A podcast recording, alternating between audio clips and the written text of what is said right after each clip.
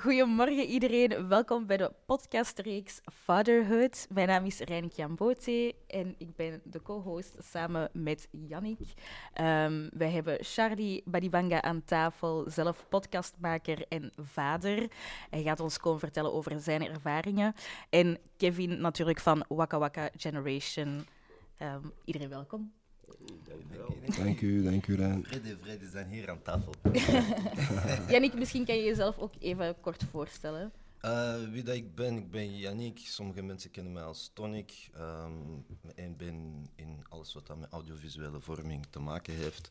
En vandaag ben ik de host, uh, vader van twee kindjes, uh, twee dochtertjes. Uh, maar vandaag ben ik ja, co-host samen met Rijn en zijn we hier ook met Charlie, Kevin Charlie, ik stel voor dat je jezelf ook eventjes voorstelt. Facts, facts, facts. Dank je om mij hier te hebben, eerst en vooral. Mijn naam is Charlie, ik ben 31, ik ben vader van twee. Zoals Rijn heeft gezegd, ik heb een podcast, Talks for Motherfucker Charlie. Ik ga niet mijn hele slogan zetten. maar ik ben vader van twee. Ik ben vader van twee. Um, twee geweldige zonen, Joel en Cameron. Shout out my Dipset boys. En um, voor de rest, ik ben blij. Kevin, tell me who you are. Ja, uh, dankjewel allemaal om hier te zijn. Dus uh, mijn naam is Kevin, ik representeer Waka Waka Generation. Ik ben de voorzitter van Waka Waka Generation. En uh, we zijn hier vandaag om over... Ja, het is official. vandaag over fatherhood te spreken, want fatherhood is eigenlijk ons jaarthema, waar dat we met Waka Waka Generation over ehm, een heel jaar rondwerken. We hebben eerst uh, evenement georganiseerd in Tarsenaal, in theaterzaal hier in Mechelen. En um, nu is dit daar een vervolg van. We willen in dieptegesprek gaan met verschillende sprekers. En de eerste daarvan is Charlie. Um, want uh, we beseffen dat dat een onderwerp is dat niet vaak besproken wordt. En um, Touché is een podcast waar dat we vanuit onze eigen gemeenschap, onze eigen ogen, uh, gesprekken kunnen aangaan. Dus ja, ik kijk er naar uit om hier met jullie in gesprek te gaan vanuit onze eigen gemeenschap, je zegt het zelf. Dus um, de podcast gaat echt focussen op uh, Afrikaanse vaders, uh, Noord, Zuid, West, Oost. Um, dus daarom ben je hier, Charlie. Je hebt daarnet vermeld dat je twee zoontjes hebt. Um, kan je meer vertellen over jouw zoontjes? um, Joas en Cameron. Dus ik heb, ja, Joas mijn oudste. Hij, is, hij wordt 9 december. Um, Joas is geboren in 2012. Uh, een jaar nadat ik daar vrij kwam van de gevangenis. Mm -hmm. Ik heb uh, vijf jaar vastgezeten in Amerika. Joas is mijn, mijn, mijn, mijn gift, zoals ik het noem. Um, toen ik Joas ja, maakte, zeg ik. Don't get into uh, details. nee, um, Joas, ik zeg altijd, Joas was mijn zoon, de catch-up zoon. Wat, wat, bedoel ik ermee? Toen ik vast zat, dacht ik altijd, ik wil een gezin starten. Ik wil, ik wil, een, ik wil een kindje maken wanneer ik vrijkom. Waarom? Um, ik, ik kende, ik, kijk, ik ben op mijn zestiende vast gaan zitten tot mijn 21ste. Ik wist niet wat het leven was. Ik had nooit een vaste relatie. Ik had none of shit. Maar ik dacht, weet je, als ik een gezin heb, blijf ik uit de problemen. Als ik een kind heb, heb ik iets om naar uit te kijken om uit de problemen te blijven. Dus ja, ben ik ook gewoon vrijgekomen met zijn mama. Allee, ik, we kenden elkaar amper. Hebben een kindje gemaakt. Uiteindelijk vandaag zijn we de beste vrienden natuurlijk. Maar uh, was mijn catch-up son. Dat is mijn blessing. Hij heeft mijn ogen open gedaan. En zeven jaar later heeft zijn broer mijn ogen nog verder open gedaan. Denk je, denk je dat feit, de gedachtegang die je hebt gehad van ja, ik wil eerst uh, kinderen hebben, want dat gaat me helpen ook uh, om uh, op rechte pad te blijven, om even een structuur te geven in mijn leven. Wat is er eerst gekomen? Het feit dat je beseft van ik moet eigenlijk ergens discipline hebben in mijn leven om op rechte pad te blijven. En daarvoor heb ik kinderen nodig, of dat gaat me helpen. Of heb je eerst gedacht van ik wil kinderen en Um, nogmaals, ik zat, ik zat vijf jaar vast. Ik zat met een OG, noem ik hem. Hij zat sinds 1964 vast. Mijn vader is in 1960 geboren, maar ik spreek met die gast. Mm. En één ding dat hij vooral altijd over had, was zijn kinderen. Mm. Hoe hij dingen anders zou hebben gedaan voor zijn kinderen, et cetera, et cetera.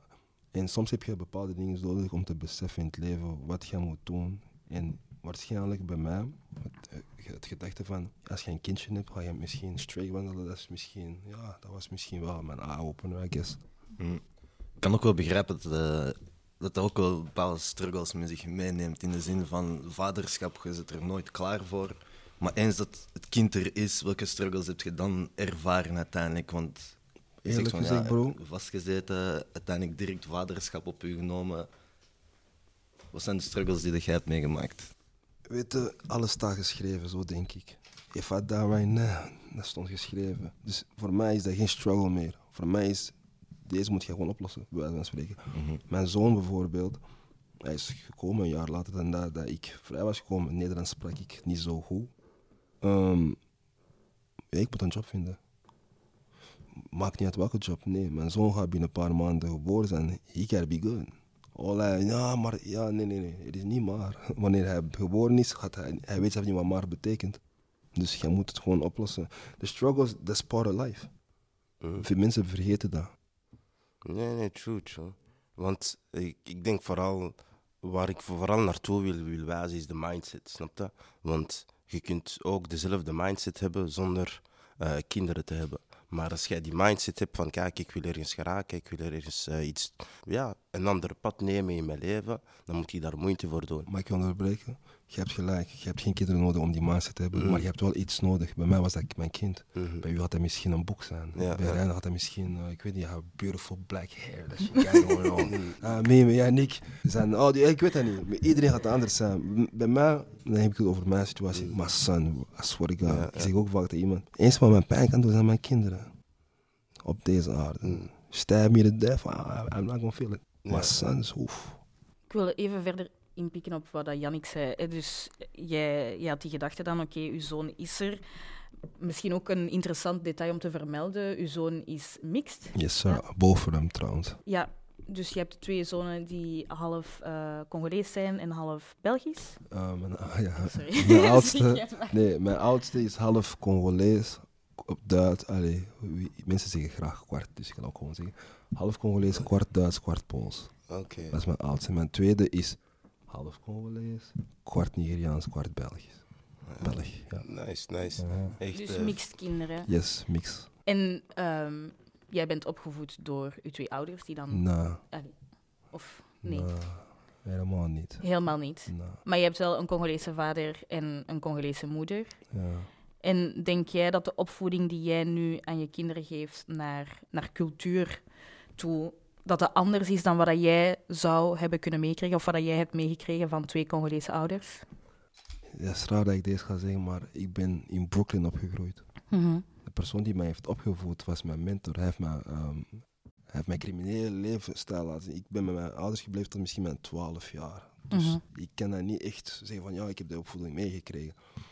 Dat is ook misschien een cliché of zo, maar ik heb mijn eigen opgevoed. Dus ik heb mijn eigen alles moeten leren. Ik ben zo 14-jarige leeftijd was ik in Amerika alleen met de vreemden. Dus I got their uh, culture. Like, het is gewoon, ik ben gewoon, allee, hoe ik het heb gezien in Amerika bijvoorbeeld. Kinderen zijn gewoon cool met hun ouders. Ik ga gewoon één woord zeggen, bijvoorbeeld seks.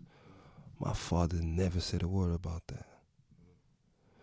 Maar je mocht geen vriendinnen hebben. Mhm. Waarom niet? Nu wil ik wel die vriendin hebben, maar je zegt niet waarom. Snap je? Maar...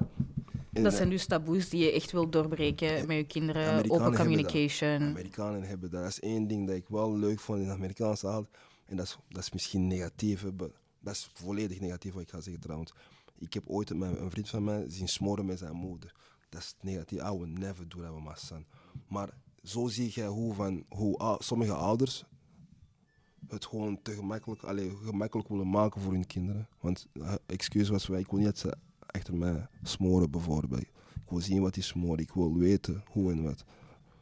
Dus we leven in een samenleving waar het er ehm, een soort overseksualisatie is, eh, eh, gewoon in onze samenleving in het algemeen. En kinderen zijn daar, staan daar ook voor, worden daar opengesteld via sociale media, etc. En ik denk als ouder, dus ik heb bijvoorbeeld mijn zus, zij is leerkracht en ze moet over bepaalde eh, onderwerpen spreken met, met de kinderen die ze, waar ze les geeft in het lagere school. En seks nu wordt gemakkelijker gezien door jongere kinderen. En dus ik denk dat het belangrijk is als ouder. Ik denk niet dat dat iets enkel eh, vanuit Amerika is, maar als ouder om daarover te hebben met je kinderen. Want beter dat jullie het in familie erover hebben, dan dat er dingen worden aangeleerd aan je kinderen op school of door vrienden, waar dat jullie nooit die gesprekken hebben Ja, slechte invloeden waar dat je eigenlijk geen vat op hebt. Ik was ook eventjes aan het nadenken over bepaalde situaties van mijn kinderen. Ik zou liever hebben dat ik ze de waarheid vertelt en dat ze de, de negatieve dingen, zowel de positieve als de negatieve dingen in het leven, dat ze die te weten komen en dat ik daar een woord uitleg kan over geven en dat dat achter mijn rug gebeurt en dat ik er niet zo'n vat op heb of zo. En daarom Dus, ook, ja. dat, dat is een beetje hetzelfde met Tasmore, zoals, je- zoals je zei, van ja, eh, ze- die ouders hebben eigenlijk liever dat ze weten van waar komt eh, wat ze smoren, hoe, wie, wat. En ik kan de manier van denken eigenlijk wel begrijpen. Niet dat ik zeg van morgen als ik kinderen heb dat ik dat ook zou doen, maar ik kan het wel begrijpen. Maar ik denk dat we ook zo moeten zien van ja, wat is goed, wat is fout. Wie heeft, wie heeft de regels uitgeschreven van dit is goed, dit is niet goed. Ik denk dat iedereen wel zo'n beetje uitzoekt wat dat het beste is voor, voor zijn kind en zie wat daar werkt. Ehm, hoe dat, eh, ik weet niet hoe, dat jij dat ervaart. Eh, ik ben bijvoorbeeld een kind uit een, een gemengd gezin. Bij mij kwamen er bepaalde vooroordelen van als ik naar school kwam. eh, ah, situatie schets. Mijn moeder is van Cameroen, vader is van België. Op lagere school werd ik vaak gepest van ah, mijn moeder, dat is van Zwarte Piet of weet ik veel wat. Of je krijgt, eh, kinderen hebben geen filter, die zeggen, die zeggen heel gemene dingen. Eh, en en ja, soms is dat moeilijk om je daartoe te bewapenen. Hoe, hoe ervaart jij dat eh, bij uw kinderen? Hebben zij ook die struggles momenteel nog steeds hier? Of hoe bewapent je ze tegen de harde wereld? Weet je, 2021 is, ehm allee, zitten we niet meer in die jaren 90, want dat, toen was het waarschijnlijk erger. Nu bijvoorbeeld, allee, nu is racisme niet zo echt zo grof, vind ik. Want bijvoorbeeld mijn zoontje krijgt, hey, je hebt mooi haar zoals Witzel, bijvoorbeeld. Voor mij dat is racisme, maar de, die jongeren of die jongen of dat meisje die dat zegt, zij beseft dat gewoon niet. Maar die, allee, dat is wat mijn zoon meemaakt, mijn oudste, want mijn jongste is maar twee, dus ja, die komen naar zijn haar, hè. je hebt andere haar, ander soort haar mij. Dat is, dat is een vorm, een soort van, want ik zeg tegen hem dan, tegen mijn oudste, van kijk bro, ik noem hem bro trouwens. ja, de volgende stap is, wanneer je dat zo toelaat, hé, hey, neger, dat komt sowieso. Maar je moet er klaar voor zijn. Je moet weten, wanneer je het woord neger bijvoorbeeld hoort, dat je dat ook kunt uitleggen waarom het niet plezant is om het woord te horen. Je moet niet eh, gaan vechten bijvoorbeeld. Want onwetendheid is, is iets dat gaande is op deze aarde. En niet elke racist is racist omdat hij weet. Bijvoorbeeld. En voor mijn zonen bijvoorbeeld, de struggle dat zij meemaken. Want ik persoonlijk, ik heb dat allemaal niet meegemaakt. En dat is als jonge gast, because I used to fight a lot. Ik ben buiten geschot geweest op bijna elke school dat ik zat voordat ik naar Amerika ging. Dus ik kreeg nooit van mijn, vrienden, mijn hoe je wijs, blanke of witte vrienden, wat moet ik zeggen? Kies maar wat je Ja, zegt. maar ik kreeg, ja, ik, eh, voilà, ik, kreeg, ik kreeg nooit die termen van mijn blanke vrienden of de blanke mensen, want yo, Charlie is zot. Ja, ja. Ik zeg niet Dus je hebt hij- nooit het N-woord tegen u gebruikt omdat ze bang waren. Eh, no, I never, never did. Maar, maar ik heb dat wel zien gebeuren bij andere mensen bijvoorbeeld, dat wel. Maar bij ik zelf, nah, never. Maar ik weet wel, als mijn zoon hem moet meemaken, bro, praten is belangrijk. Zeg waarom. Dat gaat niet... eh, Hoe oud is uw zoon weer? nee, hij wordt negen. Negen. Maar en ja. hoe, hoe pakt je zo'n conversatie aan? Stel je voor, uw zoon komt terug van school en hij vertelt dat verhaal van Witzel. Wat zeg je dan? Dus Wat je heb jij zet hem neer. gedaan? Wat heb jij gezegd? Hm. Je Ja, vraagt eerst wat hij... ja. Waarom? Ja, ten eerste moet je je haren niet raken. Niemand moet je haren raken. Zie jij mensen mijn haren raken? Ik heb geen haren trouwens, maar zie jij mensen mijn hoofd raken?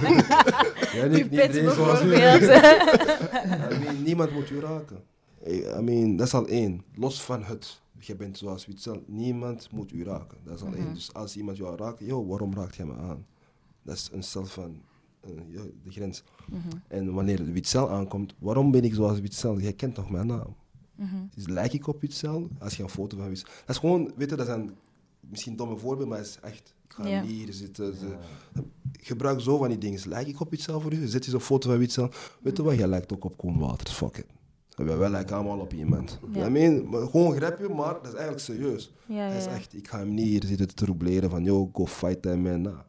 Maar hoe ouder hij wordt, hoe, misschien, hoe heftiger de gesprekken Weet je worden. wat het is? Ik denk ook, zoals dat je zegt, dat racisme nu tegenwoordig is misschien niet meer hetzelfde zoals eh, vroeger bij ons, die jaren 90.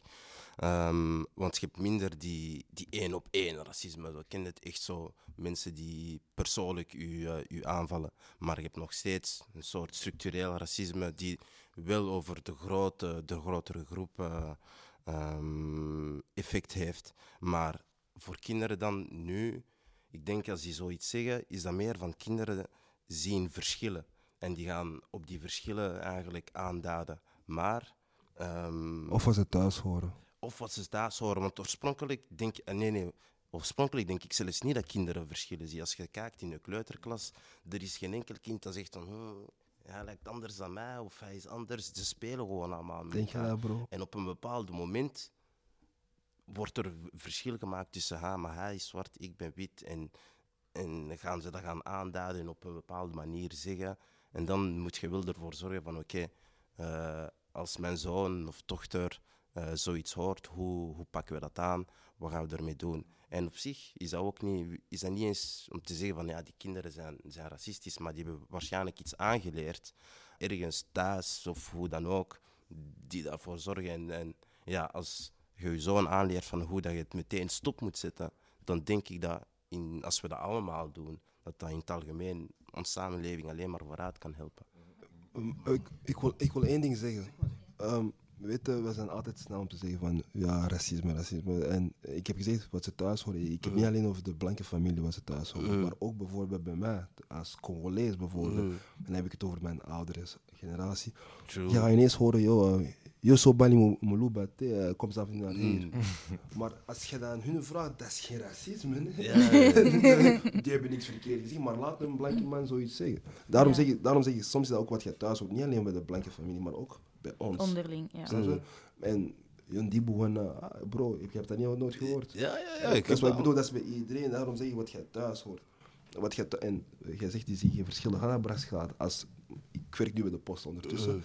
Toevallig is dat deze week gebeurd. Ik sta ehm, de briefjes leeg, maar ik heb zo'n gevoel dat er ogen op mij. Dat is een kindje van misschien zes maanden.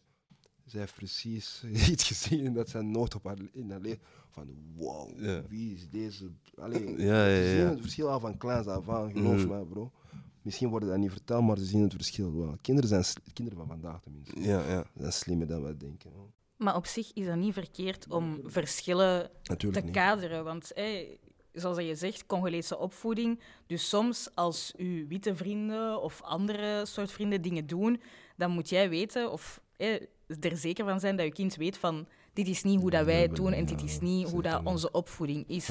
Dus die verschillen kaderen op zich is dat niet slecht, maar je mocht ook inderdaad zeggen van sommige mensen die kaderen verkeerde verschillen. Verschillen die er eigenlijk zouden, er niet zouden moeten toedoen. Ja, we praten meestal ook zo. eh, Ik heb de indruk dat we ook zo praten uit onze eigen ervaringen. Want eh, ik zou dat misschien niet direct als een, een belediging. Ja, je lijkt op Axel Witsel. Dat kan evengoed ook een compliment, Compliment, zijn. Axel Witsel die heeft dingen bereikt, een goede voetbalspeler. Wij refereren nu naar iemand die dat. Eh, ik, ik denk dat er iets te weinig rolmodellen zijn in de media. Ehm, ik weet niet, hoe zijn jullie gedachten erover? Want bijvoorbeeld als ik klein was, ik had geen rolmodellen. In de jaren 90, de enige persoon die we hadden hier in België was eh, de Mossuses, Don Bosco Safari. Eh, de Calimero. boom. Dat was Van de boom Calimero, dat waren de enige zwarte. Om de, om de, om de voetbal speelt, nee, iedereen Nee, maar bij wijze, bij wijze van spreken, ja. Voilà, maar we hadden iets te weinig mensen die dat gerepresenteerd werden. Maar hoe staan jullie er tegenover? Ik geef je 100% gelijk, bro. We zijn, er waren, allee, onze rol, mijn rolmodel was een, een rapper, Tupac. Mm. Maar dat is niet in België. Of Eminem Pinza, zoals hij zei. Aan mij Eminem Pinza, wanneer ik naar voetbal keek. Want dat is een Belg, ook hij speelt bij de Rode Duivels. He was an all, eh, like Lukaku vandaag bijvoorbeeld, maar hij was wel, hij was wel een rolmodel. Ja, het was een andere tijd. Hij was een van de Hij enigste. broer, Hij en zijn facts. broer. Dus Ja, mm. voor de rest... eh, Kan dit ervoor zorgen dat de toekomstige generatie het nu wat makkelijker heeft? Of hebben ze dan andere ervaringen? Weet je wat? Zo de, zoals we daar straks zeiden, zo de, de onderliggende racisme. Ik zou de vraag eigenlijk anders stellen. Want ik denk, wat ik ook vaak heb opgemerkt in de gesprekken ondertussen die we hebben gehad over vaderhood, is eh, vaders die zonder hun vader eigenlijk, of eh, zonder een, een, een gezin zijn opgegroeid. En dan eh, zijn ze vader geworden, kijken anders op naar hun vaderschap met kinderen. En vaak zie ik dan ook gewoon een tegenovergestelde van, yo, omdat ik geen vader heb gehad of om- omdat ik geen eh, bepaalde jeugd heb gehad, wil ik het beste geven voor mijn kinderen. En dus die pijn of die struggle zorgt ervoor dat je er anders naar kijkt, naar je vaderschap. En vaak in het positieve. Ehm, heeft, heeft dat bij u echt een, een invloed gehad en kijkt je anders omdat je ook een andere eh, jeugd hebt gehad? Yo, dat is gek dat jij zegt, ik zat vast vijf jaar nogmaals en ik heb geen één brief van mijn vader gekregen, maar geen één. En die gast woonde toen in, in Canada. En letterlijk, als ik uit de gevangenis keek, kon ik Canada zien van ver. Dus in mijn eigen dacht ik altijd, maar man, never send me one letter. Ik ben vrijgekomen, ik heb hem die vraag gesteld. Yo, paps, eh, ik zat daar vast, ik kon daar sterven en zo. Ja, mais euh, toi, tu crois que moi je vraiment venir voir quelqu'un qui en prison? Je dis, bro, I'm your son. En ik kreeg die vraag terug. Stel je voor, uw zoon gaat naar de gevangenis, ga gaan bezoeken. Pa, hij mag iemand vermoorden. I don't give a... Maar ik ben daar. Als mijn zoon. Ik heb misschien die fout gemaakt dat hij misschien gedelapeerd heeft of zo, maar ik ben daar. Elke visit aan de... Als ik niet moet werken bijvoorbeeld. Maar dat is ook het verschil weer van... Ik heb dat gezien, ik ga niet dezelfde beslissing maken. Maar ik begrijp hem wel, want dat is cultureel gebonden, denk ik, deze stukje van... ah ja, je zoon heeft iets, eh, je, zoon, je zoon is in de gevangenis. Nou, I don't want him. Je zoon is dit, ik wil hem niet. En ja, Ik denk dat dat zoals in het begin dat ik had gezegd, er is geen handleiding voor, voor vaderschap. Ehm cool als je bepaalde dingen kunt vergeven, want als je zelf vader wordt, kun je dingen ook soms een plaats geven, denk ik. Ehm, sommige handelingen die je vader deed, herkent je je soms ook er terug in hoe dat je tegen je kinderen doet, Nou. of helemaal niet? helemaal niet. Geen 1 Nou, We hebben het hier heel veel over eh, jongens en vaders, wat natuurlijk normaal is. Ehm, jij, Jannik, je had bijvoorbeeld dochters. Charlie, moest jij nu een dochter hebben, hoe zou je, hoe zou je al- je rol als vader... Volg je Eigenlijk- dan je op Instagram, Rijn? ik heb juist iets gepost, jongen. de film van 50, Den of Thieves. Nooit gezien? Ja, lang geleden. eh, sorry dat ik je onderbreek trouwens. Nee, zeg maar. Een vriendje komt op bezoek. Mhm. Eigenlijk bad boys. Ah, ja. komt op bezoek. Mm. Yo, what my man, what you doing here, man? Ik een dochter heb, ik ben tien keer erger, jongen. Ik, oh. Maar waarom? Because, you know, the world is so fucked up, man. Like, de wereld is... Kijk, als jongen... En dat is misschien grof, en mensen gaan zeggen, yo, this man is not educated. I don't give a fuck, zo denk ik anyway. Mijn zoon kan niet zwanger worden. Mhm, Hij kan zwanger maken. mhm. Hij gaat die pijn nooit meemaken dat een meisje moet meemaken voor negen maanden. Het hangt vanaf hoe oud zij ook is. Like, of abortus, of mijn zoon moet dat allemaal niet meemaken. Oké, je hebt een meisje zwanger gemaakt, you can kick back. Met andere woorden, een meisje, bro, she's gonna go to all. hè. En ik heb mijn moeder zien lijden. Mijn vader heeft mij weggenomen van mijn moeder op jonge leeftijd. Mijn moeder is depressief, mijn moeder is gestorven. Oh, dit is ja, to do all. Geef mij jongens en we gonna fight it out. Als ik een meisje heb, ik... Oef. Hey, broeder, ik ga je tegendeel eh, zeggen. Ik heb twee dochters voor mij, dat is een blessing. Natuurlijk, bro. Nee, nee, nee, nee, jij begrijpt mij verkeerd. Ik heb Nee, nee, ik, dat dat ik- geen ik blessing snap je volledig, Ik broeder. Ik snap je volledig. Want ik was dezelfde mindstate toen ik nog geen kinderen had. Eh, Ik dacht ook van, ah, jongens, veel makkelijker, meisjes. Dat- dat- Ik ben zat de geen hele tijd meisje, bang. dus eh, dat- dat wordt- sommige conversaties kan al moeilijk gaan. eh, dus, dus mijn vrouw die gaat die dingen dan moeten behandelen. Langs de andere kant heb ik zoveel liefde dat ik van mijn dochters krijg dat ik nog nooit heb ervaren. Ook al kom ik uit, oké, ik kom ook uit een gebroken gezin, maar ik heb mijn vader wel gekend, ik heb mijn moeder wel gekend, maar de liefde die ik van mijn kinderen heb, dat is, ja, dat, dat is een heel andere liefde. En dan, ja, dus ik denk dat er ook andere uitdagingen zijn bij jongens, zoals gezegd, you can kick back. Ik denk bij meisjes dat je gewoon ja, die vertrouwensrol moet aannemen en dat je dochter alles tegen u kan zeggen, zoals die situatie van ik zie in Amerika eh, die smoren met zijn moeder. Het is niet dat ik wil gaan smoren met mijn kinderen, helemaal niet. Maar ik, ik wil wel weten wat er in hun leven afspeelt, weten met welke personen die rondhangen. Ik heb liever dat ze dan bij mij thuis met hun vriendinnen of met hun vrienden afspreken, dat ik toch nog een beetje controle heb over die dingen. En gewoon ja, die vertrouwensrol. Ja, Maar- want uiteindelijk het leven gebeurt, snap je? Je kunt eh, niet blijven tegenhouden van er, zul, er zal nooit een jongen interesse hebben in mijn dochter. Vroeg of laat, dat gaat gebeuren.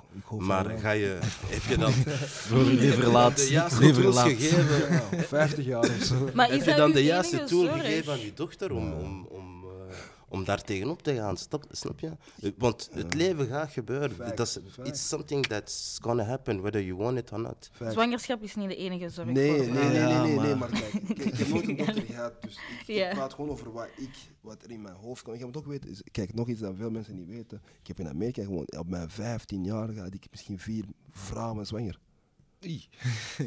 Dat is productief. You dig what I'm saying? En, en elke, elke vrouw, ja. KD, my brother. Dit was KD. Elke, en dat- ik ben er niet trots op trouwens, maar op, op 15-jarige leeftijd. En, en ik ga uw namen noemen: Tasha, miscarriage. Kerian, miscarriage. uh, Christina, abortus. Shantae, abortus. Shout out to these ladies because I talked to them today. Like, those my homegirls. Like, ik was jong, die waren ouder dan mij, maar ik was jong. En dat is- dat een fout. Ik kan me voorstellen dat een jongere dame was misschien, you fuck her whole life up like that. En nogmaals, ik heb nooit een dochter gehad. Ik ben nu gewoon misschien meer aan het focussen op mijn, wat mij schrik kan maken. Maar ik kan morgen een dochter hebben en I'm probably so happy. Ik kan niet wachten tot je trouwt en ik je de grootste trouw kan aanbieden bijvoorbeeld. Ik heb nooit een dochter gehad. Dus wie weet. Maar eigenlijk... Ehm, dat is interessant dat je dat zegt, hè, van dat jij op je vijftiende eigenlijk vier vrouwen Ja, ehm, ja, het zwanger gemaakt. In Ehm, Amerika, hè, niet hier trouwens. Heb ik, It doesn't Ja. matter where. Ah, I'm a change man. I'm a change man. I'm a change man. Dat is Dat is, goed. dat is het enige dat je daaruit hebt opgepikt. Of, hè, van zoveel... Ja, een andere, een andere visie, hè. dus, ehm, welke les trek je, trek je daaruit en wat ga je zeggen aan jouw zoon ehm naar mate van verantwoordelijkheid opnemen naar zo'n relaties? Hè? Want we hebben het over open communication, seks is daar, maakt daar deel van uit. Dus in een relatie, als je seks hebt, je bent met twee. Een vrouw is zwanger en oké, a guy can kick back, maar hij heeft ook zijn verantwoordelijkheid. Ja, trust me, nog iets. Hè. Op 15 jaar leeftijd toen die vrouwen zwanger waren, geloof me, die snel, like I was kicking back. I was, uh, sorry, that I was, I was a drug dealer, so ik dacht in mijn eigen, I keep these kids, I got this. Maar dat is niet waar, op 15. Maar ehm, mijn zoon, weet je, wat het belangrijkste is in een relatie, zeker als een jonge gast, wanneer je 15, 16 wordt, respect. Als je je eigen kunt respecteren, ga je altijd die vrouw respecteren of dat meisje die je mee in een relatie zit. En respect betekent ook met elkaar spreken. Het gaat niet goed, praat met elkaar. En ja, weet je, ik doe dat nu al. Ik, heb, ik ben uit elkaar hè, met, de, met de oudste, de moeder van de oudste. En ik, en ik zei dat tegen hem van, bro, like, your daddy fucked up. Waarom? Want uw, uw, uw, uw vader was niet vertrouwbaar. Like, uw vader deed rare dingen achter de rug van uw moeder. Dat is niet het ding dat je moet doen. Jij zegt dat echt tegen Ja, kan- ja, because if I die, nobody else gonna tell him. Maar hoe Dus- zeg je dat dan tegen een achtjarige? Hoe ik dat nu tegen u zeg. Ah, oké. Ja, ik, heb ge, ik heb dat verkloot. Ik heb, ik, ik heb, ik heb gezorgd dat ik en uw moeder vandaag niet, allee, niet staan zijn. Maar, maar het belangrijkste nu is dat ik en uw mama op één pagina kunnen zijn. Mhm. En, en dan zie je de respect dat ik voor uw moeder heb, bijvoorbeeld. Maar jij moet het niet zoals mij doen. Hij houdt van zijn kleine broer. Hè? Maar ik denk ook dat hij gewoon had gewild dat zijn moeder die kleine broer had gemaakt. Ik vind dat, ik vind dat een perfecte houding. Eh, eerlijkheid duurt het langs. Ik denk als je er te veel doekjes rondwint, dan laat je ruimte voor interpretatie. En dan maken die daar een eigen versie van misschien. Dus eerlijk gezegd, doop dat je zo eerlijk bent en dat je dat gewoon straight zegt tegen je dat is zeker iets dat ik meeneem vanuit wat je allemaal hebt gezegd, is dat je ten eerste die communicatie met je kinderen moet hebben en echt open en direct zijn. De dingen bespreken die er zijn. En, ehm, en ja, vooral ook geen windjes rond, rond, rondom draaien, maar echt communiceren met je kinderen dat dat belangrijk is en je verantwoordelijkheid nemen. Eh, je hebt een hele ehm ja, wispelturig parcours gehad met eh, ups en downs, eh, buitenland hier en daar. En je hebt allemaal vanuit je eh, ervaringen geleerd, je fouten en de, ja, en de dingen die je hebt gedaan. En probeert nu de beste vorm van, van opleiding te geven aan je kinderen. En ik vind dat echt mooi.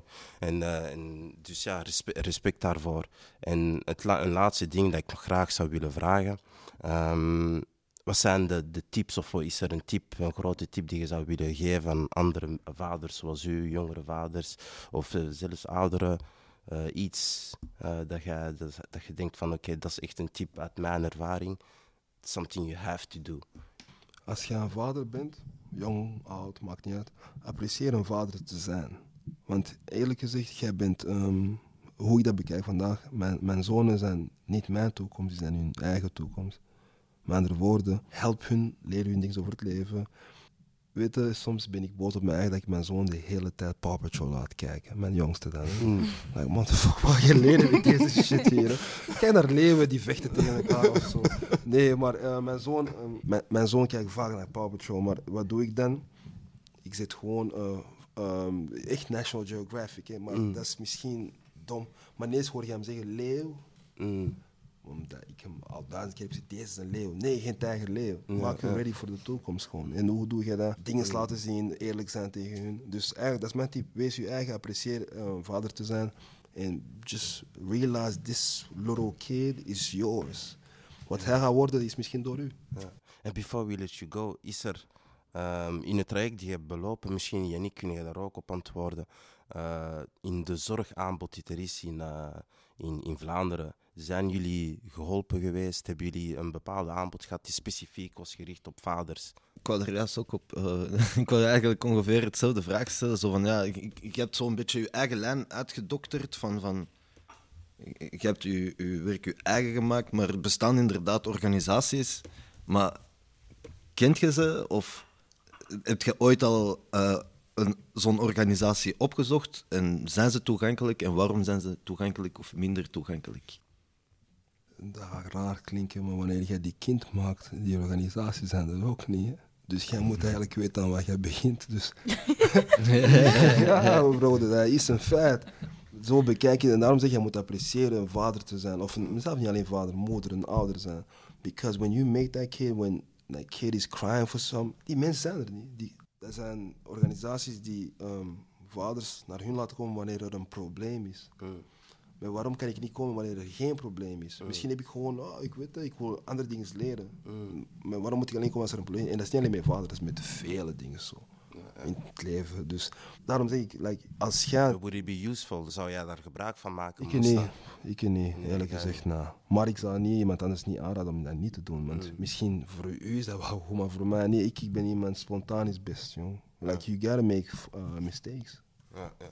Jezus, ik ben geen Jezus. Shout out naar Jesus, because he was the only perfect man on this planet. Amen. Ja. Ja, you live, you learn. En exactly. Charlie heeft geleerd. En ik vind dat wel mooi om te zien. Ehm, ik ken Charlie ook al een tijdje, dus ik heb echt de evolutie gezien van wanneer dat hij eh, net uit de gevangenis kwam en met zijn projecten is gestart, vader is geworden. En ja, het is gewoon mooi om te zien dat je ook vooral het aspect respect, hè, voor mij als vrouw vind ik dat toch wel belangrijk, dat je dat naar je zonen ehm, meegeeft. En ik denk dat dat gewoon goed is, want de volgende generatie is onze toekomst. En ehm, ja, als we het nu nog eens opfokken, is dat gewoon jammer. Jammer, inderdaad. Dus doe je goed. Ehm, ja, bedankt iedereen voor het gesprek. Hartelijk bedankt. Touché. Touché. Talks for motherfucker Charlie. Dus,